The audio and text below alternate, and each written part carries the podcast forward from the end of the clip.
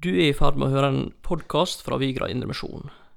Hvis du kan tenke deg å gi en gave til Vigra Indremisjon, kan du gå inn på imfvigra.no, eller gi en gave på VIPS 107682 Vigra Indremisjon.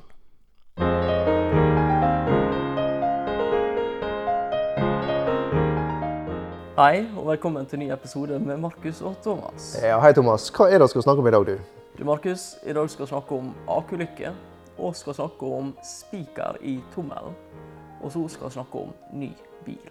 Og dette klarer du altså å grave fram i Romerbrevet 12. Ja ja, sånn blir det.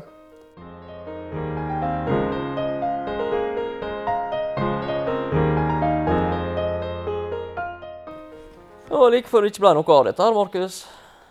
Det var det. Oss eh, har gamle biler begge to, så er ikke det den ene, så er det den andre som har problem.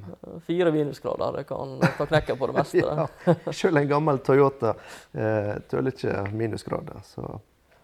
Sånn er det. Men eh, her sitter vi. Her sitter vi. Nei, det, det blir bra å, å komme videre i, i, i romerne. Og Eh, ute er det en gnistrende eh, flott vinter, egentlig. da. Jeg hører du sier det. Så jeg, eh, når, når Miriam sa hun ville bo her ute, så Jeg var nå tenkt meg det til Sørlandet, men jeg, jeg gikk noe med på det. Og tenkte En av fordelene er at snøen kommer ferdigmøka. Ja, ikke sant? Men nå eh, Nei. Men i fjor starta ikke snøfreseren en eneste gang. i fjor vinter, Men nå eh, har han vært i drift, ja. Det har han. Og til, jeg til og med rent på akebrett, eh, Thomas. Du, det er du. Ja. Det er ikke jeg. I lag med femåringen. Og han skulle kjøre fram og meg, skulle jeg henge bak. Men eh, kanskje pga. litt ekstra tyngde, da, så begynner jeg å fare forbi han. Jeg satt på en sånn matte og begynner å snurre i sirkel nedover bakken. Jeg tenkte at nå ender jeg på sykehus. Og han flirer. Han flirer så hardt at han kjørte rett inn i en snøfonn. Han klarte Så jeg var i hvert fall til underholdning for eh, femåringen hjemme. Ja, men det er bra snøen kommer til å koste noe, Markus.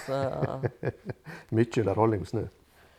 Ja, jeg, eh, jeg holdt på å sette meg fast i innkjørselen. I innkjørselen. Det vært eh, Øystad Sunde har en, en fin sang, eh, 'Snøfreseren'. Og Den begynner noe sånn som at uh, 'jeg liker ikke manuelt arbeid, arbeid og sånt'. Jaha. Jeg måker, nesten aldri snøen for hånd. Jeg bare tramper den flat og lar, la mangel på ozon gjøre resten. uh, og den, den, den har jeg vel holdt meg litt til, da. Uh, I hvert fall nå når hagetraktoren min står her oppe på bedehuset, Ja, og um, jeg ikke ser det mitt, da, så har jeg på en måte tenkt at det smelter. det smelter. ja. Men så, eh, når runde tre med brøytebil hadde vært der, så var det sånn at jeg kom kjørende, svingte inn, fordekka over, og så ble jeg stående på underskjellet. Ja ja. Nei, litt hverdagsutfordringer, det har han. Men uh, mye snø kan ikke han si at vi har her vanligvis. Så litt, uh, jeg syns det er kjekt med litt skikkelig vinter. Det gjør nå i hvert fall dagene litt lysere. Det gjør det absolutt. Det kan vi like. Og ungene elsker det, så det Ja. hjelper på. Men kona har prøvd seg på langrenn for første gang på ti år med, så det Underets tid er ikke forbi, ikke det han sier? Du og skulle vel til i vers 13 i romerbrevet nå i, i dag, òg, ikke sånn? Det skal oss. Og eh, det er skal jeg, skal jeg ta og lese det, Thomas? Det kan du gjøre. Kom de hellige til hjelp i deres nød. Legg inn på gjestfrihet. Et kort vers. Kort vers. Og to, eh, to punkt. Men det, det er veldig eh, innholdsrikt allikevel. Ja. De, de hellige, hvem er det da? Jeg vet ikke, Føler du deg hellig, Thomas? Jeg har hørt det sagt at du skal ikke stole på følelsene.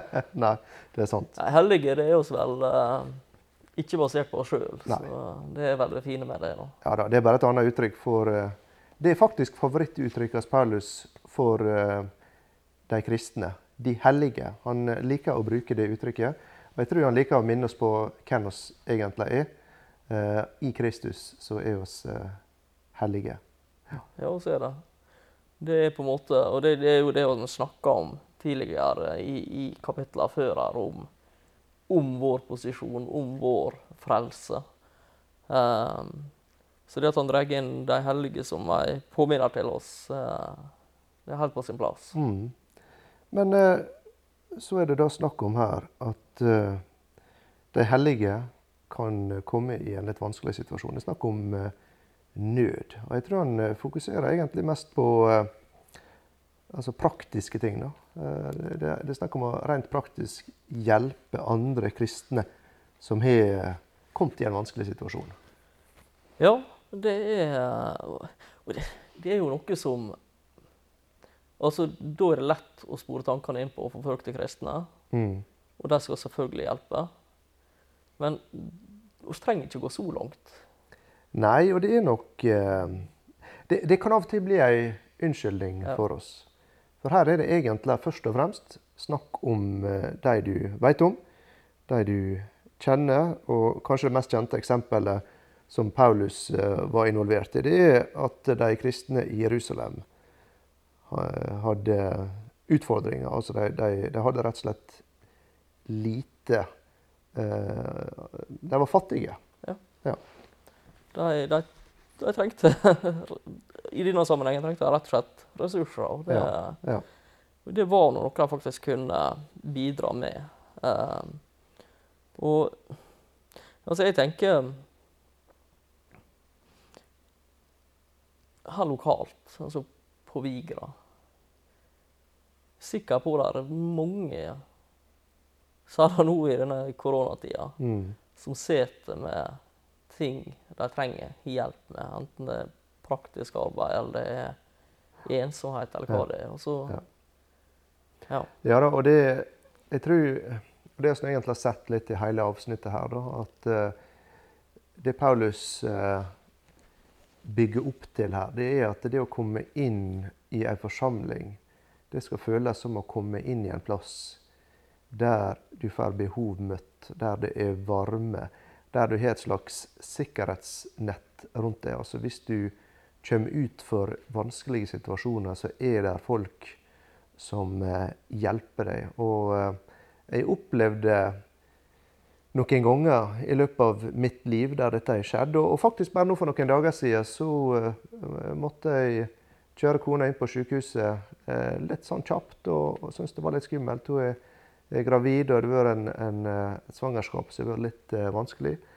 Og før jeg hadde kommet inn til sykehuset, så hadde jeg fått flere tekstmeldinger fra folk som sa at de var med og ba. Og jeg må si at det er, det, det er fantastisk å oppleve det, altså. Og du, du merker det at det er, en, det er en styrke å få lov til å være i en flokk og i en sammenheng der når du kommer i en vanskelig situasjon, så er det folk med en gang og nærmest ivrer etter å hjelpe, oppmuntre, be.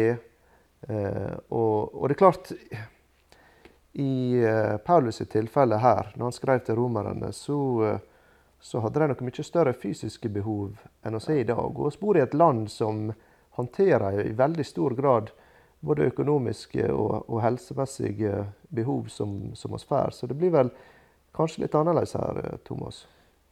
Ja, altså eh, Av personlig erfaring, da, så uh, nå, nå er jo jeg havna i en situasjon at jeg er uføretrygda. Skulle si endelig, det er ikke noe du ønsker, men endelig så er det faktisk sånn at jeg er uføretrygda slipper å lure mer. Uh, men hadde det vært i nesten hva som helst slags land i verden i dag for øvrig, så hadde min helsesituasjon gjort at familien min hadde hatt stor nød. Mm. Ja da, Men, men her har oss et system som tar vare på. Og på en måte så er det veldig bra. Ja. Fordi at det gjør at jeg kan holde heimen, jeg kan sørge for at ungene har det bra, jeg kan sørge for at eh, å se mat på bordet og se hevarme. Og, så veldig mange fordeler med det. Ulemper med det, det er kanskje det at eh, det tar fra menigheten ansvaret. Det er klart, i, eh, for, for de kristne i, i Rom her, det å når det kom inn folk der som var enke eller farløse eller hadde- andre utfordringer, så, så var det en voldsom velsignelse å være i en sammenheng der det var folk som eh, ønsket å hjelpe. Men eh, eh, det, det er skummelt med statistikk, og spesielt når jeg ikke er sikker på helt tallet. Men jeg, Når jeg har en, opp, ja. en, ja, kan dikte opp litt statistikk. Men jeg har iallfall en skremmende statistikk på hvor mange tenåringer som får en psykisk eh, diagnose. Og i hvert fall, det, det jeg husker, det var at i Bodø var det på over 30% Altså mer enn én av tre. Og det som, det som er klart, er at en, en, en, en eh, byråkrat, en saksbehandler, klarer ikke å møte alle våre eh, behov. En, en stat klarer ikke det. Så det er nok for en forsamling eh, og for oss som kristne å ta tak i eh, av, eh, av eh, behov iblant oss. Det er helt klart. Og i- Jakob, første kapittel, altså siste vers 27, så står det at eh, en ren og usmittet gudsdyrkelse for Gud og Faderen er dette. Å se til farløse og enker i deres nød, og å holde seg uplettet av verden. Og hvis vi tar dette på alvor, så ok, da burde det være en iver og en lengsel i oss etter faktisk å hjelpe folk. Og jeg slo opp i King James, uh, nye versjonen av King James, bare for å se hva ord de hadde brukt om, uh, om nød. Mm. Og der er det ikke snakk om nød, det er snakk om needs. Ja, behov. Behov. Ja. Eh, For når vi tenker nød, da er det på en måte da er det dramatisk. Ja. Da er det ei flodbølge eller et jordskjelv. Ja. Men her er det snakk om å møte behova til folk. andre kristne. Ja, i folk rundt oss. Ja. Det, blir veldig, det er veldig konkret, dette Det er veldig konkret. Så, eh, så der er ei utfordring for oss. Altså hvis du, og, og igjen så føler jeg det oss er veldig private. Mhm. Det er kanskje spesielt i vår kultur her på Vestlandet. Eh, og igjen så forutsetter det at vi kjenner hverandre litt for at vi skal vite om disse behovene. Men er det et behov du kjenner til, så har du altså her eh, oppfordringa. At eh, vil du leve i Guds vilje, så handler det om å også møte fysiske eh, behov eh, iblant oss. Helt klart. Og så er det noe med, det vi var inne på sist, med at dette her er litt flersidig. At det er Det er frukter av en vandring. At dette her blir mer nærliggende for oss. Det blir en naturlig del. Mm. Og samtidig så er det ting vi skal gjøre. Eh, så det er på en måte ikke sånn at uh, ja, nå skal jeg vandre med Jesus i 20 år, og så plutselig så har dette ordna seg. Der er faktisk en egen innsats. Uh, så her er det noe konkret vi kan gjøre, hver og en av oss. Og det som er en liten sånn avklaring på akkurat dette, eh, det er at det egentlig, for å få det i rett rekkefølge, så handler ikke det om å gjøre, men å være. Ja. Det funker bra på, på, på vår dialekt. Altså, eh, når du eh, blir påvirka av Den hellige ånd, da snakker vi om det i begynnelsen av verset, det er forvandling som skjer. Ja. Altså, det skjer ei, en, en, en, en eh, dramatisk forvandling i ditt sinn, og det gjør at handlingene dine blir annerledes enn de var. Og dermed blir eh, du kanskje mer var overfor eh, behov rundt deg, og du kjenner et ønske om å være med og bidra til at andre skal, skal ha det godt. Så igjen, det handler om Guds vilje i våre liv. Det handler om ting som skal prege en person som eh, har blitt prega av Gud. Eh, og her er et kjennetegn. Her er et kjennetegn. Og så vil jeg bare si én ting om ditt eh, kjennetegn. Det er at hvis, hvis vi faktisk møter behov, så gir det ei åpenhet mellom oss. Ja. Og vi har en tendens til å på en måte ha litt tjukke vegger rundt oss, beskytte oss ganske godt. Kanskje særlig i vår kultur, som de sier, her på Vestlandet. Eh, og der du på en måte har hit, men ikke lenger i relasjonene. Eh, og hvis vi tør å åpne oss litt mer, hvis vi tør å være mer genuine med hverandre, Mm. så kanskje blir behovene til de rundt oss tydeligere også. Fordi at det, det krever mye å være åpen og ærlig, og særlig hvis du ikke blir møtt med det samme tilbake. Ja da, og jeg, jeg tror at uh, Den hellige ånd hjelper oss i å oppfatte situasjoner Ja. eh, også. Og jeg, det er flere forsamlinger der jeg har vært med, så har de faktisk hatt ei, en, en, en konto eller en kasse med, med midler som skal være der til å hjelpe folk som, eh, som har eh, Og enkeltplasser var det rett og slett mat, altså ei kasse med mat som, som sto for å være til hjelp for folk som, eh, som trengte det. Og det, det kan være en måte å gjøre det på, en- eh, men det kan også kanskje være nesten vel så fint å få lov til å, å gjøre det på en måte som gjør at det blir mer personlig og direkte. Nei, så der, der er ei både oppfordring og utfordring. Mm. Men han går videre med gjestfrihet, Ja, han gjør det. og eh, det er jo spennende. Det kan være veldig spennende, og det kan være veldig berikende. Og jeg syns det er veldig flott at Paulus eh, tar fram det her. For det, det å åpne heimen sin, det er både litt spennende. Eh, du får folk veldig nært innpå deg, så du må nesten, de får se hvem du er. Ja. så det er litt av utfordringa i det. Og her handler det faktisk om å gjøre det for folk som, som er Altså igjen, det er, det er faktisk eh, det, det Paulus snakker om her, det er folk som er kristne. altså Åpne heimen din for kristne, som du kanskje ikke engang kjenner. Eh, eh, eller om det er noen eh, nye i forsamlinga di. Eh, og, og det er veldig fint hvis det er noen nye forsamlinger. Du blir invitert inn i heimet. Det eh, hjelper enormt på å føle seg inkludert og virkelig bli kjent med folk. Ellers kan det ta ganske lang tid, egentlig. Så det trenger, det trenger ikke være en emissær, altså. Det trenger Nei da, det kan, de kan også være det. Emissær det er sånn som jeg har hørt det ordet, Thomas. Det er litt sånn flashback. Det er flashback. Det er flashback. Ja, nei, det Nei da, jeg husker emissærer. Vi hadde emissærer på besøk da jeg var liten. Ja. Nei, men også det, det selvfølgelig er det fint å ta dem inn, og, eh, men, det men ja, dette med åpen hjemme og dette med å være gjestfrie, det er jo direkte imot den høye. da. ja, det, det er sant. Jeg tenkte ikke på det. Vi må, må eh, vokte våre ord her. Men uh, på- gresk, da, så, så er uttrykket at du skal strekke deg etter kjærlighet for fremmede. Jeg syns det er veldig fint, fordi at uh, oss har lett for å på en måte være litt på vakt mot fremmede. Men her skal vi strekke oss. Det er nesten litt sånn som dette uttrykket om å kappes om å hedre hverandre. At uh, du skal strekke deg ekstra når det gjelder de fremmede. Det, viser Guds hjerte. og det er Ja, det viser Guds hjerte. Mm. Og så gir det Viser deg vilje til å stille seg sårbar. Ja. ja.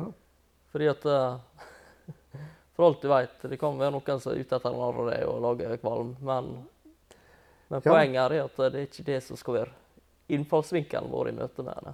Nei, så det er vilje til å tilbringe tid med å ja, Tid det, det er ikke så lett alltid. Spesielt i småbarnsfamilier. Og tidsklemma er liksom et sånt uttrykk som eh, går igjen.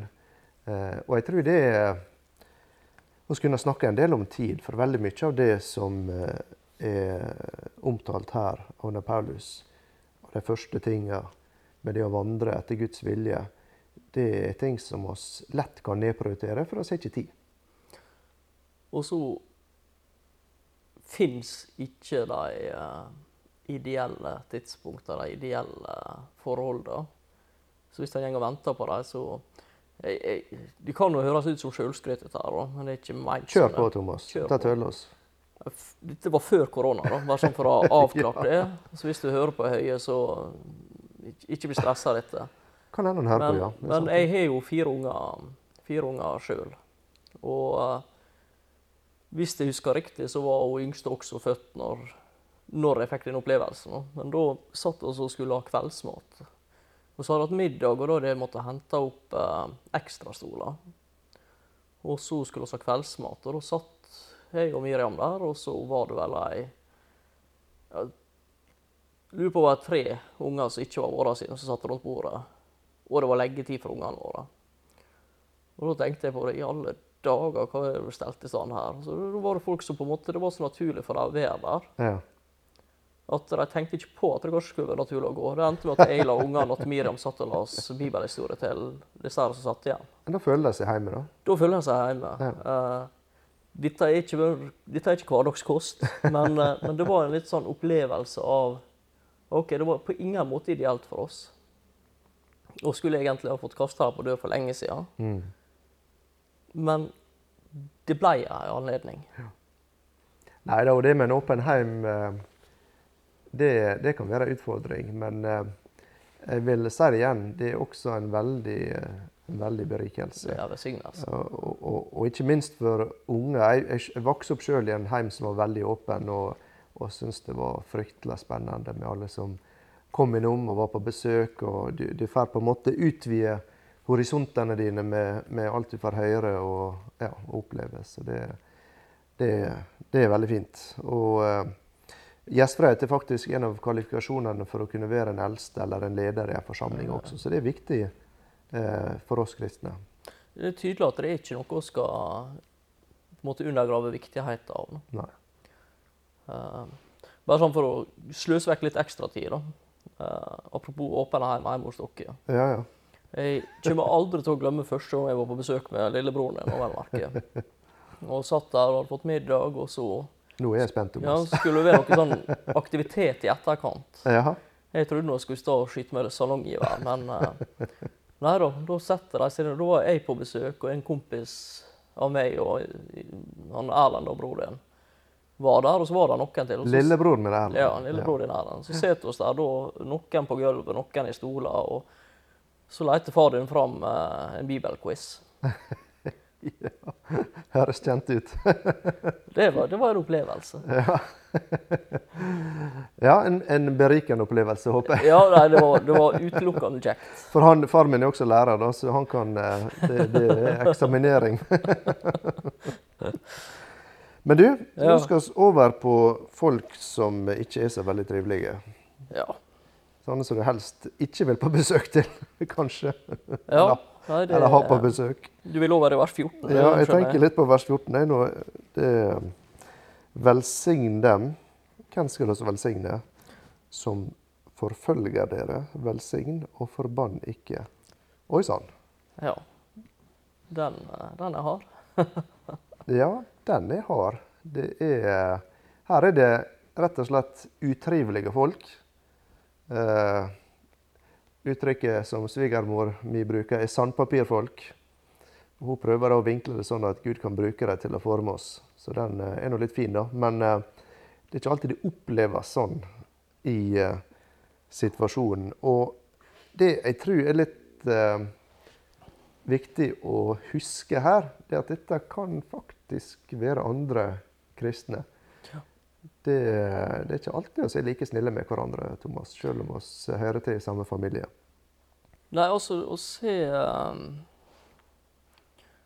oss kan, kan fort uh, Hva skal jeg si Ikke tale godt om. Ja, Og, uh, for det å velsigne betyr jo å, å tale godt om. Mm. Snakke godt om.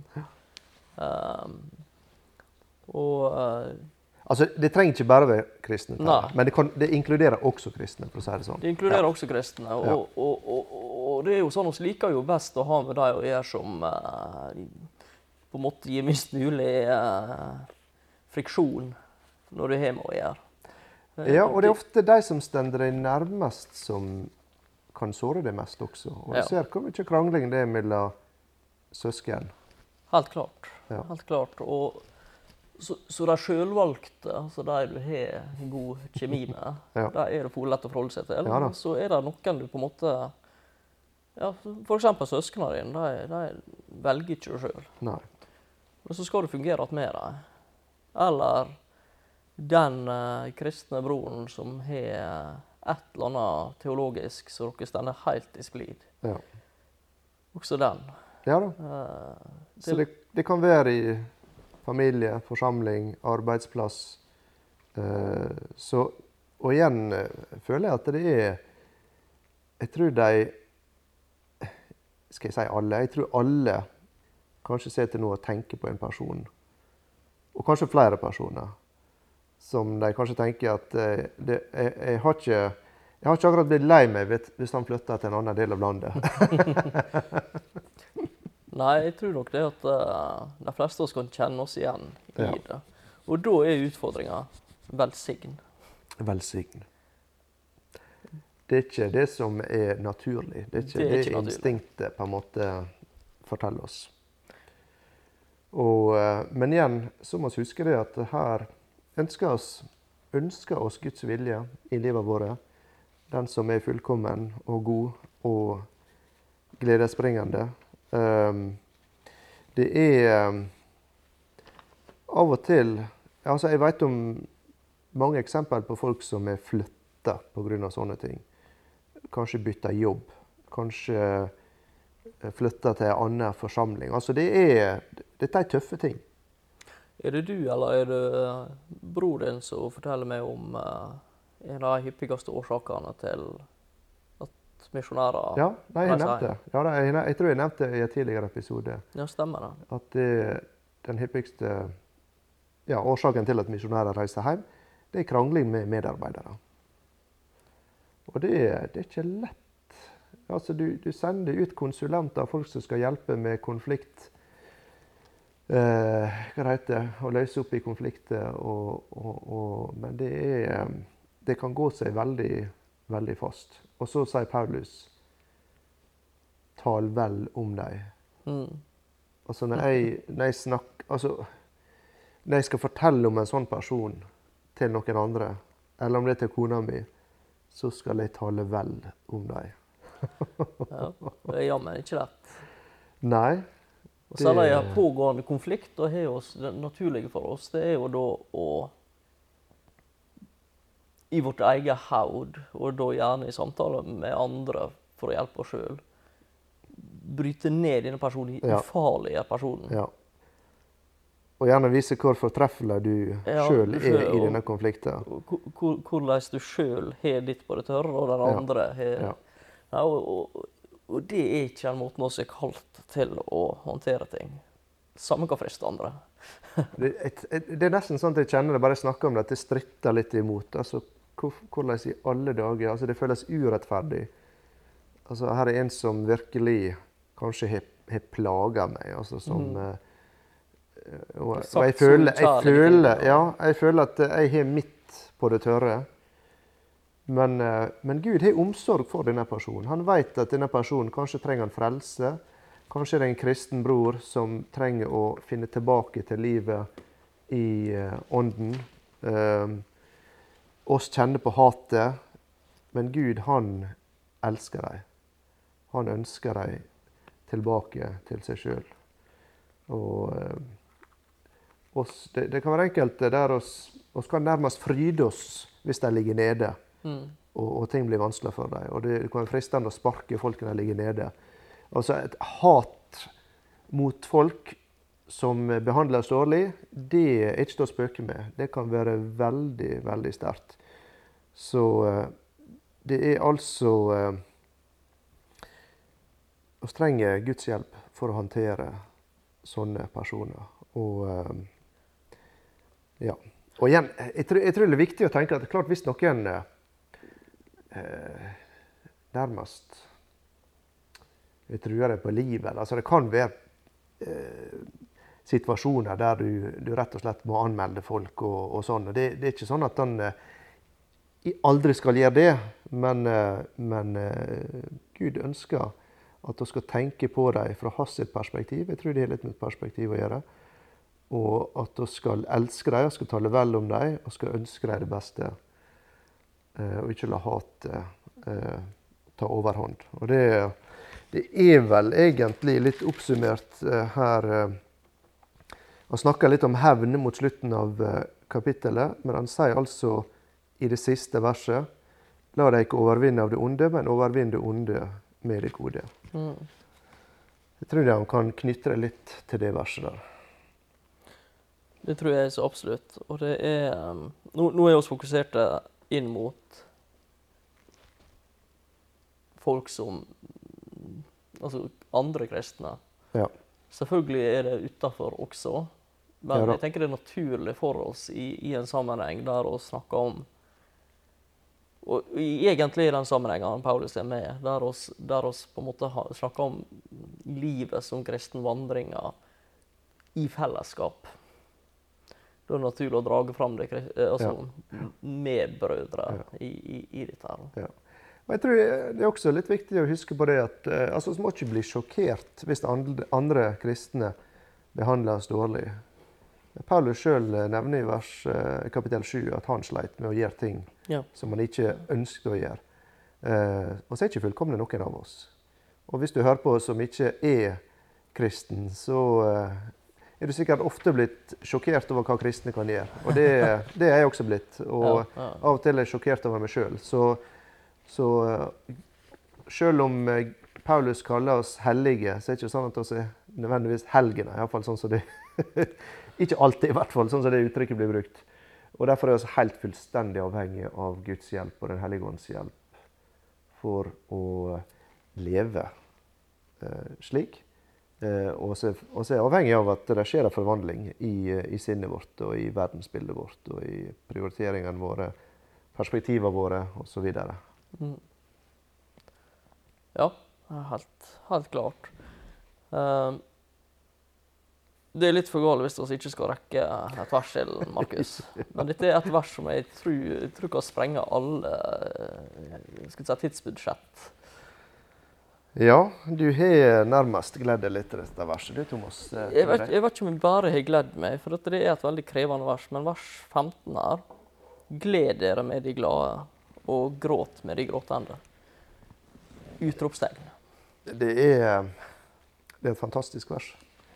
Og det er et av Altså, gjenger å si mer med færre ord? Altså, det er Her ligger det mye.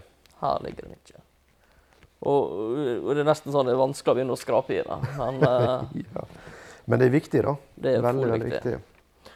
Og det eh, Og jeg tror, bare, bare for å ha sagt det som et utgangspunkt Altså Når det gjelder dette verset her, så skal fokuset ditt være på den du er hos, ikke på deg sjøl. Altså det å fokusere på den andre sine følelser, sin situasjon. Her skal ikke du prøve å drage fokuset tilbake på deg sjøl. Fokus på den du er hos. Det, det, det er iallfall et utgangspunkt for uh, samtalen videre om dette. Jeg husker ikke hvor jeg har det fra. Uh, sannsynligvis en annen pedagog uh, som sier at oss, oss sjøl blir danna gjennom at vi speiler oss i andre. Mm. Uh, altså Ja. Det vil si at uh, meg i møte med deg gir meg informasjon om hvem jeg er. Mm. Ja da, den er fin, den. Uh, og det er klart at hvis oss er flinke på å møte de oss møter, på en sånn måte at de opplever anerkjennelse og aspekt for sin situasjon, så hjelper det dem til Ja, både i situasjonen sin, enten de er glade eller lei seg. Altså, utrolig kjipt hvis du er kjempegira og glad for et eller annet. Si at jeg kjøper meg en ny bil, da. Ja. Jeg vet ikke om det kommer til å skje noen gang, men si jeg kjøper meg en ny bil. Så kommer jeg til Markus og Du kan alltids drømme, Thomas. Ja, jeg kan drømme. Så kommer jeg til Markus og sier ja, Markus, kjøp meg en ny bil, så flott, han er sånn og sånn og sånn. Og sånn og sånn. Og så tenker du enten vinkling at ja, nei, bilen min den uh, står på verkstedet, han kubba i går. Eller du tenker Han gjør faktisk det. Det er ja, helt reelt. Men jeg har ikke kjøpt meg ny bil, så det er helt greit. Alternativt at ja, du kjøpte den, jeg kjøpte denne, og så tenker du fram en mer Ja. fancy bil. sant? Ja. Og se en tendens til å skulle overgå hverandre, eller eventuelt også å uh, jekke ned på, på andre sin opplevelse. Eh, og det er ikke det hun skal gjøre.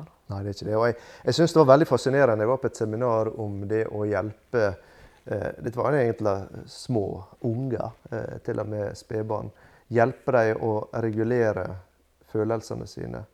Uh, og, og det som ble sagt der, da, det er veldig lett når en unge griner eller er lei seg, at vi prøver liksom å liksom distrahere det, eller prøve å få det til å flire eller et eller annet.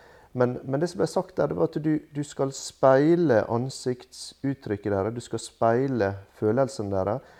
Og så skal du gå inn i den følelsen. Og når du er der i lag og deler den følelsen, da kan du løfte deg opp og hjelpe deg å, å, å komme ut av det. Uh, og, og, jeg testa det ut og ble helt forbausa over hvor effektivt det var.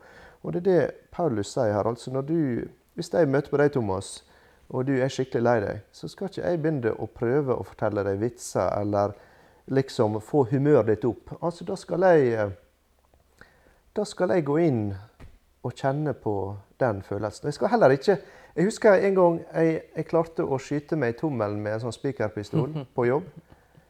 Og jeg, alle jeg møtte på eh, etterpå, begynner å fortelle om alle slags groteske historier de har vært ute for.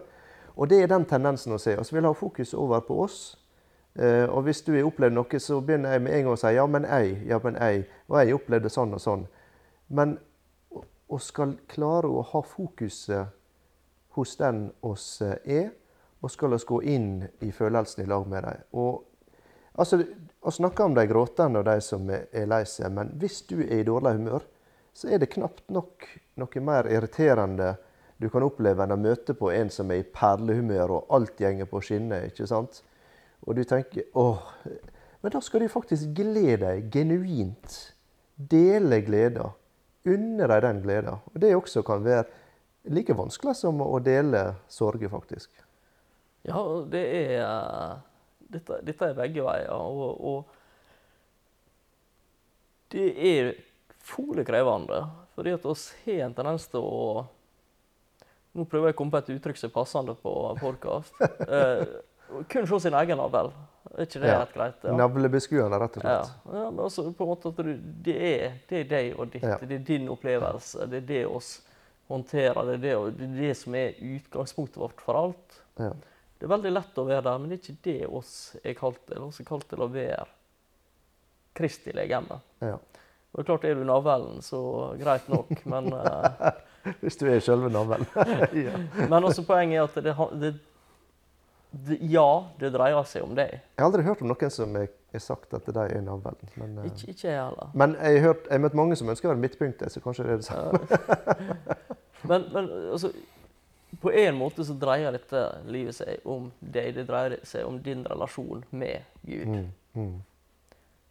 Men det dreier seg også Og jeg vet ikke om jeg Ja, jeg er ikke redd for å si det, men det er vel så mye om Jesu legeme. Ja. Og hva er Jesu legeme? Jo, det er oss. Ikke meg, ikke deg, men oss. Og det der i veldig stor grad Gud møter oss. Så jeg tror ikke han skal være redd for å si det. Det, det er sånn Gud har eh, gjort det og har laga det. Og tenk deg, da. altså når du gjenger og kjenner på ei byrde av sorg, da ønsker du å møte noen som ikke latterliggjør sorga di, eller som på en måte bagatelliserer den, men som faktisk gjenger inn i lag med deg og kjenner på den, og, og, og, og viser at dette her er det Dette skjønner jeg, at dette er tungt. Eller hvis du er strål... Altså når vi opplever noe kjekt, så syns vi det er så topp å få lov til å fortelle det til andre. Og hvis du da bare møter ei sur mine og kanskje noen som er bitre Altså, du ønsker å møte noen som bare Yes, dette var kjekt, Thomas. Tenk at du har opplevd noe sånt. Selv om kanskje jeg går og kjenner på at jeg har en stabel med regninger som jeg ikke klarer å betale, og så kommer du og forteller meg at endelig huslånet er nedbetalt og alt er i orden. ikke sant? Da skal jeg bare glede meg med deg og ikke begynne å fortelle om alle regningene som ligger på kjøkkenbenken hjemme. Og det, det, er også vanskelig. Og det krever igjen Det er en investering, for det er ikke lett å gå inn og dele verken glede eller sorge med hverandre. Og igjen forutsetter det, det at vi kjenner hverandre. At det er åpenhet, det er tillit. Og det handler da om vilje til å være sjøloppofrende. Ja, det er det. Fordi at det, det handler om vilje til å ikke alltid være midtpunktet, ikke alltid være fokuset, mm. men å ha det på andre. Og, um, og, så igjen, da, hvis du har denne holdninga i møte med meg, og jeg har denne holdninga i møte med deg, så blir det en harmoni i dette. Det blir det. Og det er egentlig veldig interessant å tenke på at en, eh, en person som er gråtende, han trenger ikke glede. Nei. Det er ikke det han trenger. Og det For meg ble det en litt, liten sånn eh, Wow. Nei. Han trenger faktisk ikke glede. Han trenger noen å gråte i sammen med. Han trenger medfølelse, empati. Og det Ja, det Altså, sorg er en prosess. Alle som har lest bare Selv om det er bare litt, så, så, så eh, er noe av det første en lærer, at sorg er en prosess som du må gjennom. Tap. Eh, og eh, det, det, som ofte kommer i mine tanker, det er spesielt en av de spontanabortene som vi opplevde, og hvor tungt det var for spesielt kona mi med en del av de responsene mm. hun fikk. Der det nærmest ble på en måte litt sånn eh, Tatt litt lett på. Bare, dette, sånn, er, sånn, skjer bare av og til. Og, eh, det, ja. I stedet for å gå inn og faktisk Så hun, hun, hadde nesten, i tillegg til at hun sorga, og oss sorga, sørga, så kan du nesten få dårlig samvittighet for at du sørger. Mm. Fordi at eh, jeg burde ikke sørge så mye, for dette tapet var visst ikke så så stort, ifølge andre. Og det, den er veldig tøff. Ja, den er det. Det oss har ofte lyst til å ta lettvinte løsninger for å for å trøste folk. Og ofte så gjør det vondt verre. Det, det, det, er dessverre sånn. Ja, um, ja da, det, og der har vi mye å lære. Og igjen syns jeg det er så flott å tenke på det at uh, Gud han bryr seg om disse situasjonene. Han bryr seg om at du skal få glede deg i din glede. At du skal få lov til å sørge i din sorg. Og så ønsker han å bygge opp et samfunn rundt deg som, som hjelper deg, som både kan intensivere, blir det et ord? Forsterke gleden din og dele og bære deg gjennom eh, sorga di. Og jeg syns det er utrolig fint at eh, det å vandre med Gud, det å være Guds barn, det å være i Guds vilje, så er det, er det slike behov og slike ting Gud ønsker eh, skal skje i våre liv. Og igjen, vi eh, kommer ikke så langt i dag, men, men bare de tingene som er gått gjennom til nå, prøv å tenke deg inn i en situasjon der du er i en forsamling der dette fungerer. Hæ? Ja, det hadde vært helt altså, da, Neste gang skal vi inn i vers 16. Da, da er vi egentlig inn på hva det, et resultat av dette. er nå. Ja. Uh, men det kan ikke stå nå. Nå blir uh, Da blir det en lang episode. Ja, nei, tida har gått utrolig fort i dag. Men uh, jeg eh, har ikke så veldig dårlig samvittighet for det. For jeg, jeg i hvert fall koser meg. Jeg syns dette er helt fantastisk stoff. Ja, da, og, og siste veka så fikk jeg ganske mye skryt for at vi brukte så lang tid på sofavers. Så, og Sier du det? Ja da, så skal vi fortsette. Sånn skryt liker vi. ja, men uh, til, til, de som måtte være uenige, da, så, så oppfordrer absolutt til å komme tilbakemelding til ja, styret med her. Ja. og så skjønt vi har fått flere og flere slutter, det er kjekt. Mm. Kan dele videre til flere. Ja, hvis du føler du får noe ut av dette, her, så er det kanskje andre som gjør det med. Så da er det bare å dele i vei. Så det, dette her, det er Guds ord, Guds sannheter, og det er det vi trenger i livet vårt eh, i dag.